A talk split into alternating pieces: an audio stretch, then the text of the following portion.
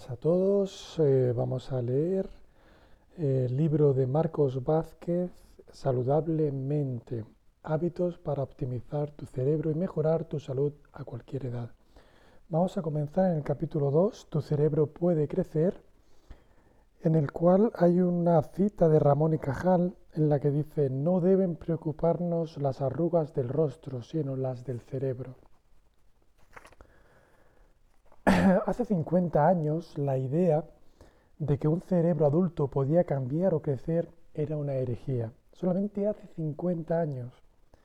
Tras el rápido desarrollo de la infancia y la adolescencia se asumía que el cerebro había alcanzado su máximo potencial en la adolescencia.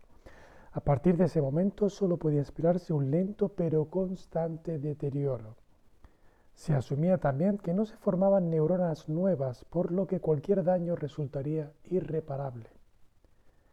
Esta creencia se debió en gran medida al padre de la neurociencia, Ramón y Cajal, quien nunca pudo observar la formación de neuronas nuevas en cerebros maduros.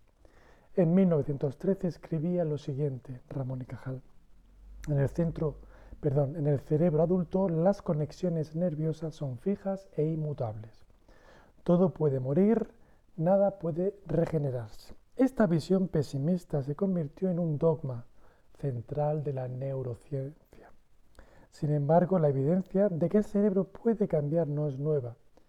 En 1793, en el siglo XVIII, el anatomista italiano Vincenzo Malacarne dividió en grupos a cachorros de la misma camada, exponiéndolos después a distintos tipos de estímulos.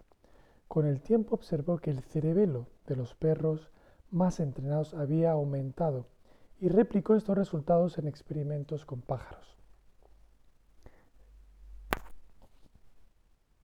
El propio Darwin especulaba sobre el impacto del entorno en el tamaño cerebral al comprobar que los cerebros de conejos domésticos eran más pequeños que los de las liebres salvajes.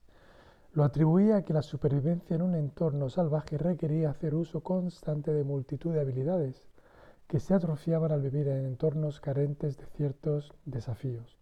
Quizá el cerebro se encogía por la falta de uso, al igual que los músculos. Eran todavía observaciones burdas en, en épocas donde se desconocía la estructura básica del cerebro. En los años 60, técnicas microscópicas más avanzadas, en los 70, más avanzadas que las que utilizaba Ramón y Cajal, permitieron a distintos investigadores observar la formación de neuronas nuevas en los cerebros de animales adultos. Veían, por ejemplo, cómo el cerebro de los canarios macho aumentaba de tamaño en primavera, cuando aprendían canciones nuevas para atraer a las hembras. Estas observaciones continuaron, pero la comunidad científica permaneció escéptica durante varias décadas, aferrándose al dogma del cerebro inmutable. Todo cambió cuando en los años 90 se demostró el desarrollo de neuronas nuevas en monos más cercanos a nosotros y pocos años después llegaron las primeras evidencias en humanos. Recientemente se ha demostrado el crecimiento de nuevas neuronas en el hipocampo de adultos de más de 90 años. O sea, recientemente se ha demostrado el crecimiento de nuevas neuronas en el hipocampo de adultos de más de 90 años, poniendo punto final a la creencia del cerebro estático.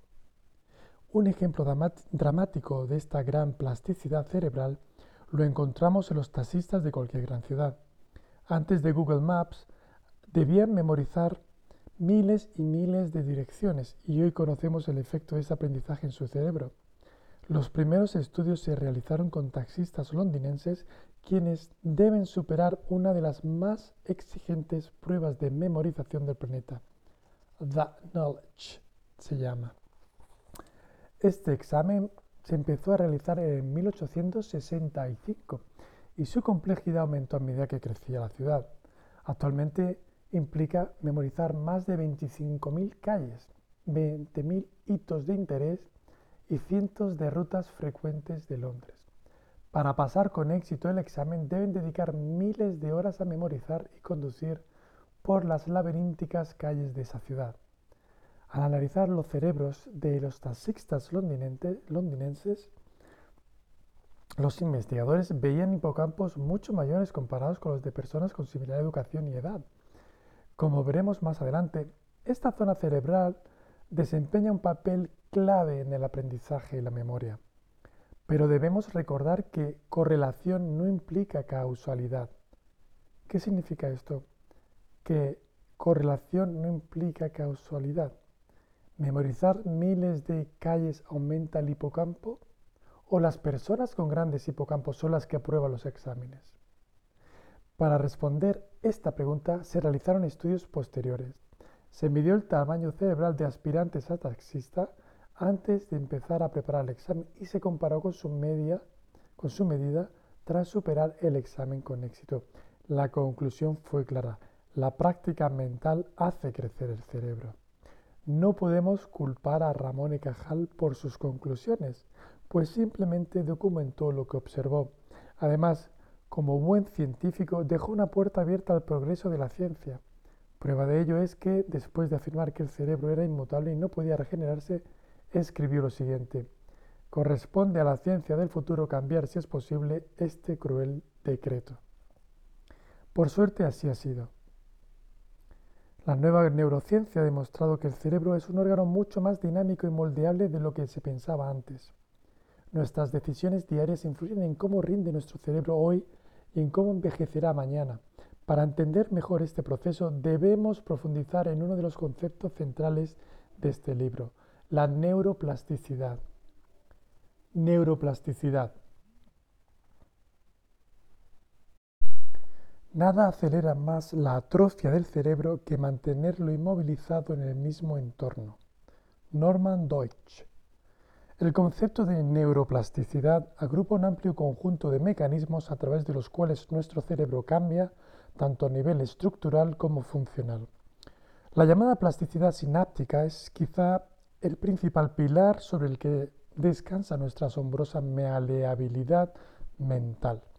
Existen más conexiones entre tus neuronas que estrellas en la Vía Láctea y tus acciones cambian constantemente la naturaleza de esas conexiones. Voy a repetir lo importante de esto. La llamada plasticidad sináptica es quizá el principal pilar sobre el que descansa nuestra asombrosa maleabilidad mental.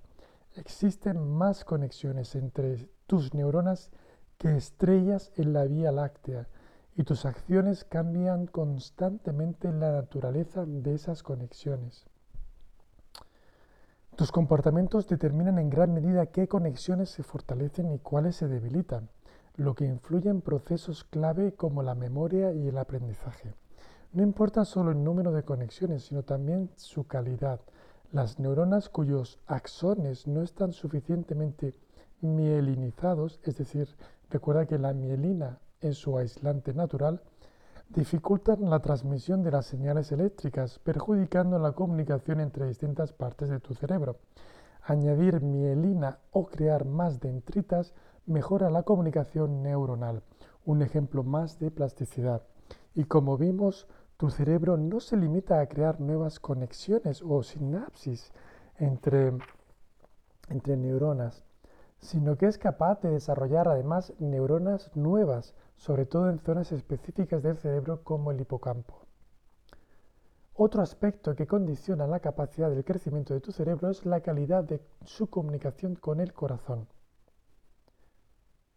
Otro aspecto que condiciona la capacidad de crecimiento de tu cerebro es la calidad de su comunicación del cerebro con el corazón.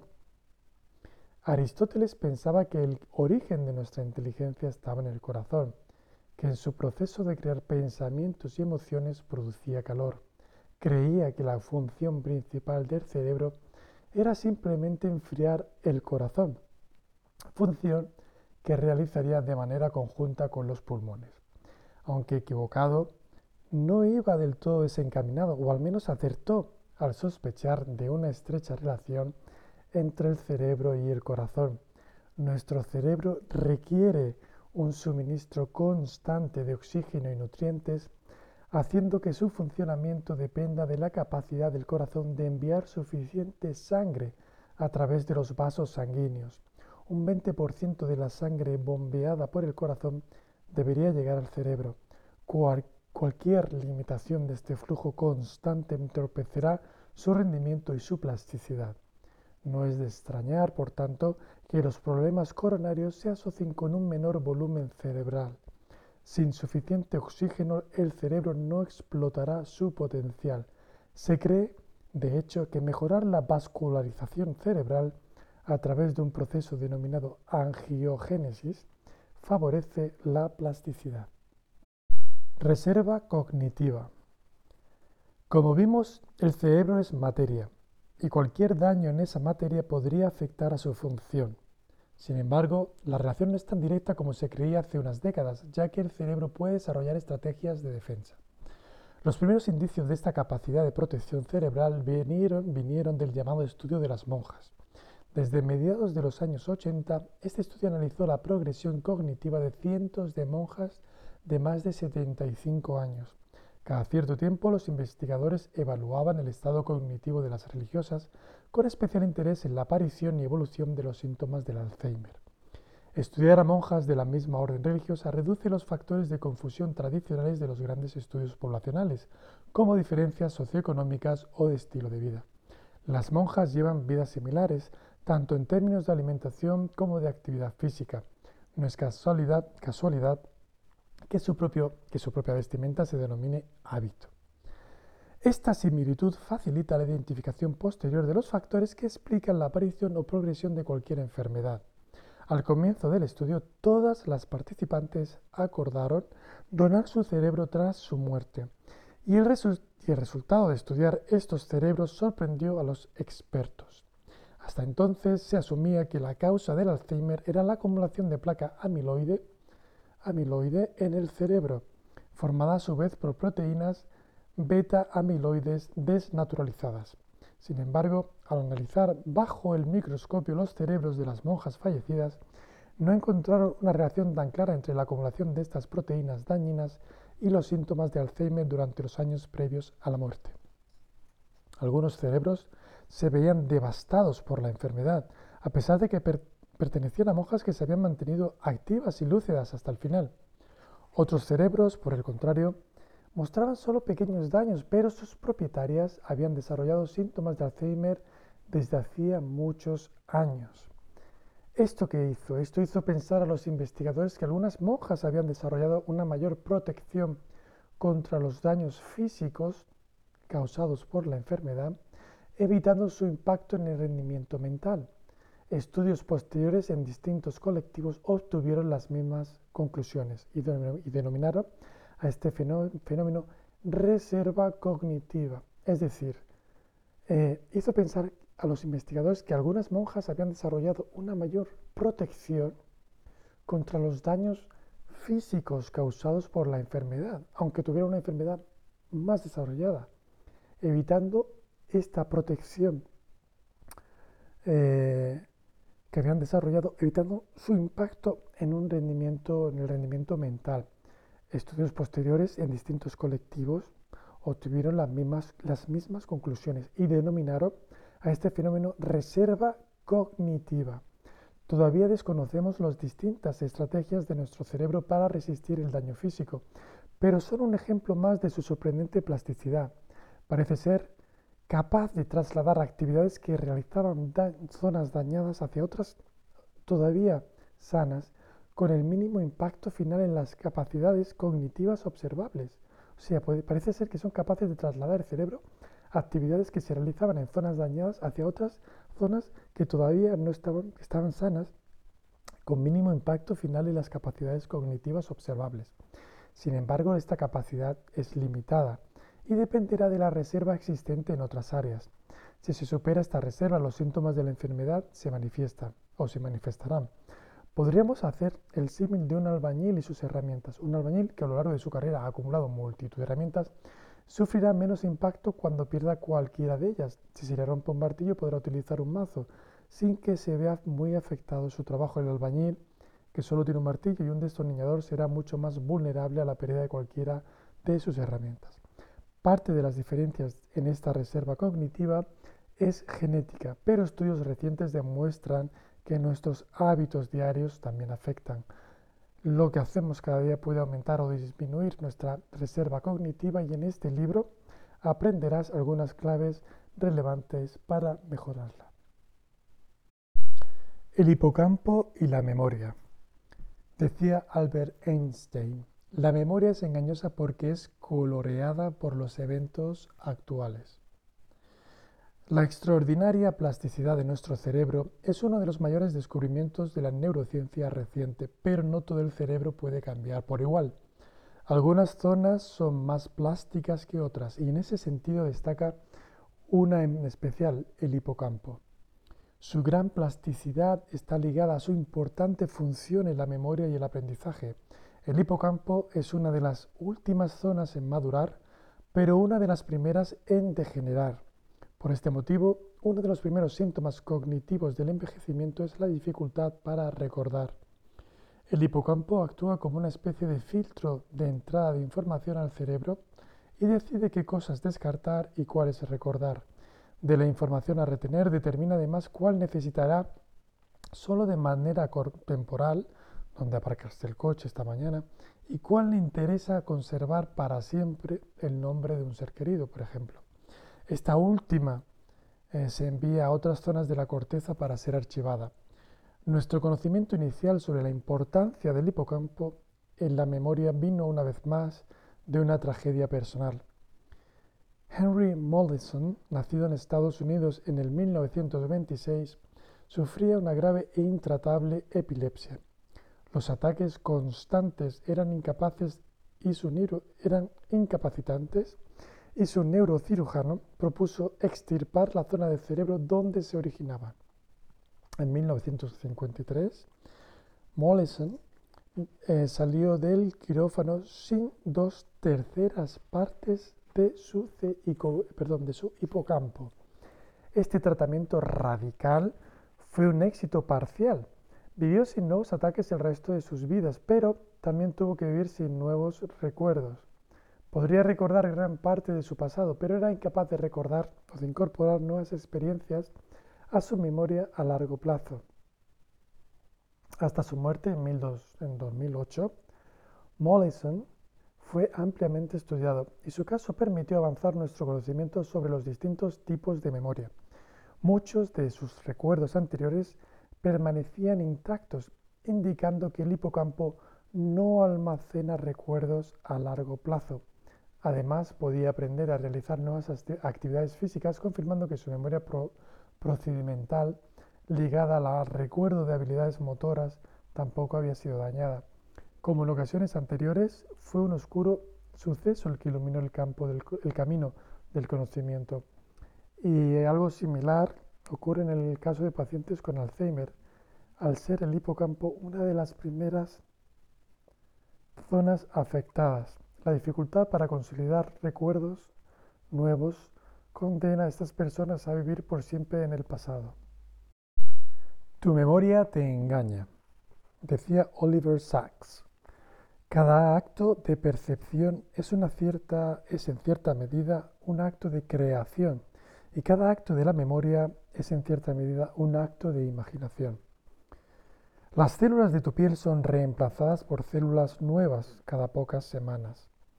Tus glóbulos rojos son sustituidos por otros cada pocos meses. Incluso tus huesos están hechos de células totalmente distintas a las que tenías hace unos años. Entonces, si todas las células de tu cuerpo son reemplazadas por otras con el tiempo, ¿quién eres en realidad?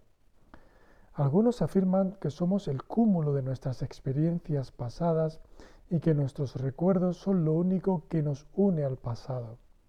En este caso, ¿quién serías entonces si muchos de tus recuerdos fueran falsos? Si tienes suficientes años recordarás perfectamente qué hacías, dónde estabas y quién te acompañaba el 11 de septiembre de 2001, cuando dos aviones derribaron las Torres Gemelas. Tus recuerdos de aquel día son vívidos, claros y en muchos casos equivocados. Un grupo de investigación de la Universidad de Nueva York inició un estudio sobre nuestros recuerdos tras este trágico evento. Pocos días después del atentado hicieron una encuesta a más de 3.000 personas en la que les preguntaron cómo se habían enterado de la noticia, dónde y con quién estaban, y algunos datos más específicos del atentado global, como el número de aviones secuestrados en total. Repitieron la encuesta un año más tarde a las mismas personas y las respuestas que obtuvieron fueron en muchos casos distintas. Por ejemplo, solo un 63% dio la misma respuesta cuando les preguntaron cómo se habían enterado del atentado y a los tres años solo un 57% mantuvo la, misma respuesta que justo después del suceso. Lo sorprendente fue que, a pesar de cambiar sus recuerdos, mostraban la misma certeza que pocos días después del atentado. No dudaban ni se creían capaces de confundir un dato tan importante. Es más, al hacerles conscientes de la contradicción, algunos aseguraban que la respuesta original debía de ser la equivocada. Tal es la convicción que tenemos respecto a nuestros recuerdos, aunque sean opuestos a los hechos. No es un estudio aislado. Se suma a estudios similares que se realizaron tras otros acontecimientos dramáticos del pasado, como la explosión del Challenger en 1886 o el asesinato de Kennedy en 1963.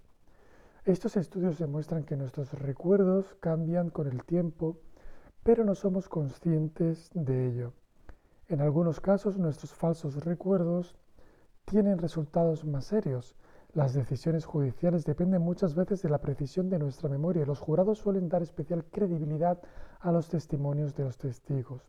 Sin embargo, como hemos visto, los recuerdos son volátiles y es frecuente que los testigos de un crimen den versiones casi opuestas de lo ocurrido incluso los que han vivido el suceso más de cerca y que afirman recordar con más claridad sufren los mismos sesgos que los demás. La emoción nos hace recordar con más convicción que no con más precisión. La magnitud del problema resultó evidente cuando se introdujeron en los juicios los análisis de ADN.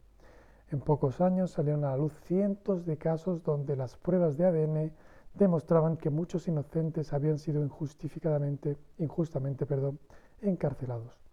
Según un estudio de la organización Innocence Project, el 71% de las personas cuyas condenas fueron anuladas al aplicar los test de ADN habían sido condenadas por testimonios de testigos.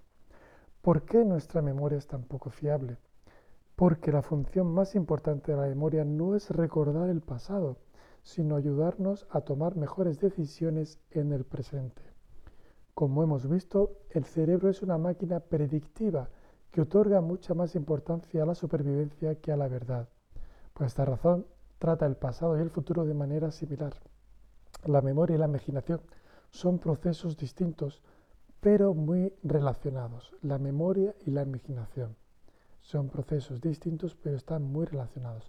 Recordar con precisión el pasado era menos importante para nuestra supervivencia que tomar decisiones más acertadas en el presente. Desde este punto de vista es perfectamente razonable alterar nuestros recuerdos a medida que aprendemos. Al contrario de lo que percibimos, nuestra memoria no funciona como un almacenamiento estático de imágenes y segmentos de vídeo. De cada vivencia se toman en realidad una serie de muestras que se almacenan en distintos circuitos neuronales. A partir de una misma experiencia, los cerebros de distintas personas prestarán atención a distintos aspectos, creando ya de entrada distintos recuerdos. Además, el propio proceso de recordar altera lo recordado. Recordar no equivale a buscar un vídeo y reproducirlo, sino más bien a editar un vídeo nuevo cada vez usando los fragmentos dispersos en varias partes del cerebro. Entre estos fragmentos siempre quedan muchos huecos que el cerebro rellena a partir de todo su conocimiento nuevo. Es decir, para recordar necesitas imaginar y a medida que tus experiencias cambian, también lo hace tu imaginación, alterando tus recuerdos. El nuevo recuerdo altera en cierta manera al viejo, pero no somos conscientes de ello. Parte de la distorsión es social. Al hablar, con los demás sobre ciertos momentos compartidos del pasado, sus recuerdos se integran con los nuestros. Lo que vemos en la televisión o leemos en las noticias también moldea nuestros recuerdos.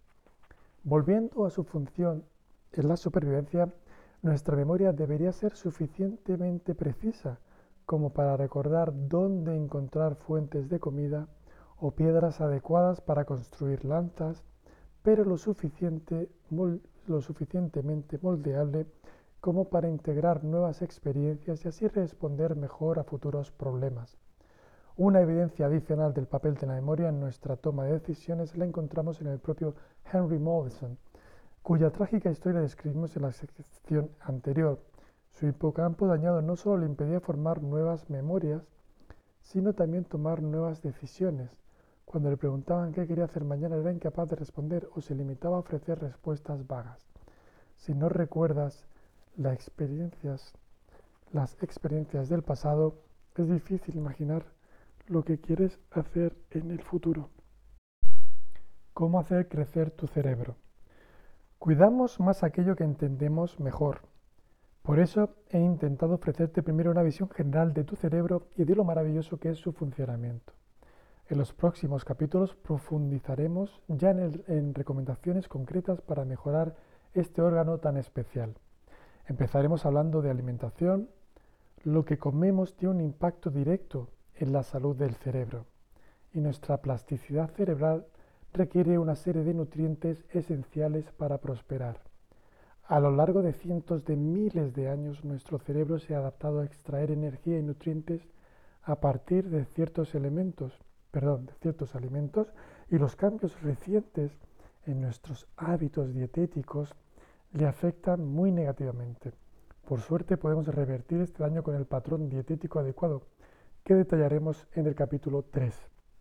Veremos después la profunda conexión entre el cerebro y el sistema digestivo a través de una autopsia del doble sentido, a través de una autopista de doble sentido denominada eje intestino-cerebro. La salud de nuestro intestino y la microbiota que alberga impactan directamente en nuestra salud mental y por suerte la podemos mejorar. En el capítulo 4 explicaremos esta relación y presentaremos el concepto de psicobióticos, un enfoque muy prometedor en el tratamiento de trastornos mentales a través de intervenciones en la microbiota. En el capítulo 5 pasaremos a explicar la importancia del ejercicio en la salud mental.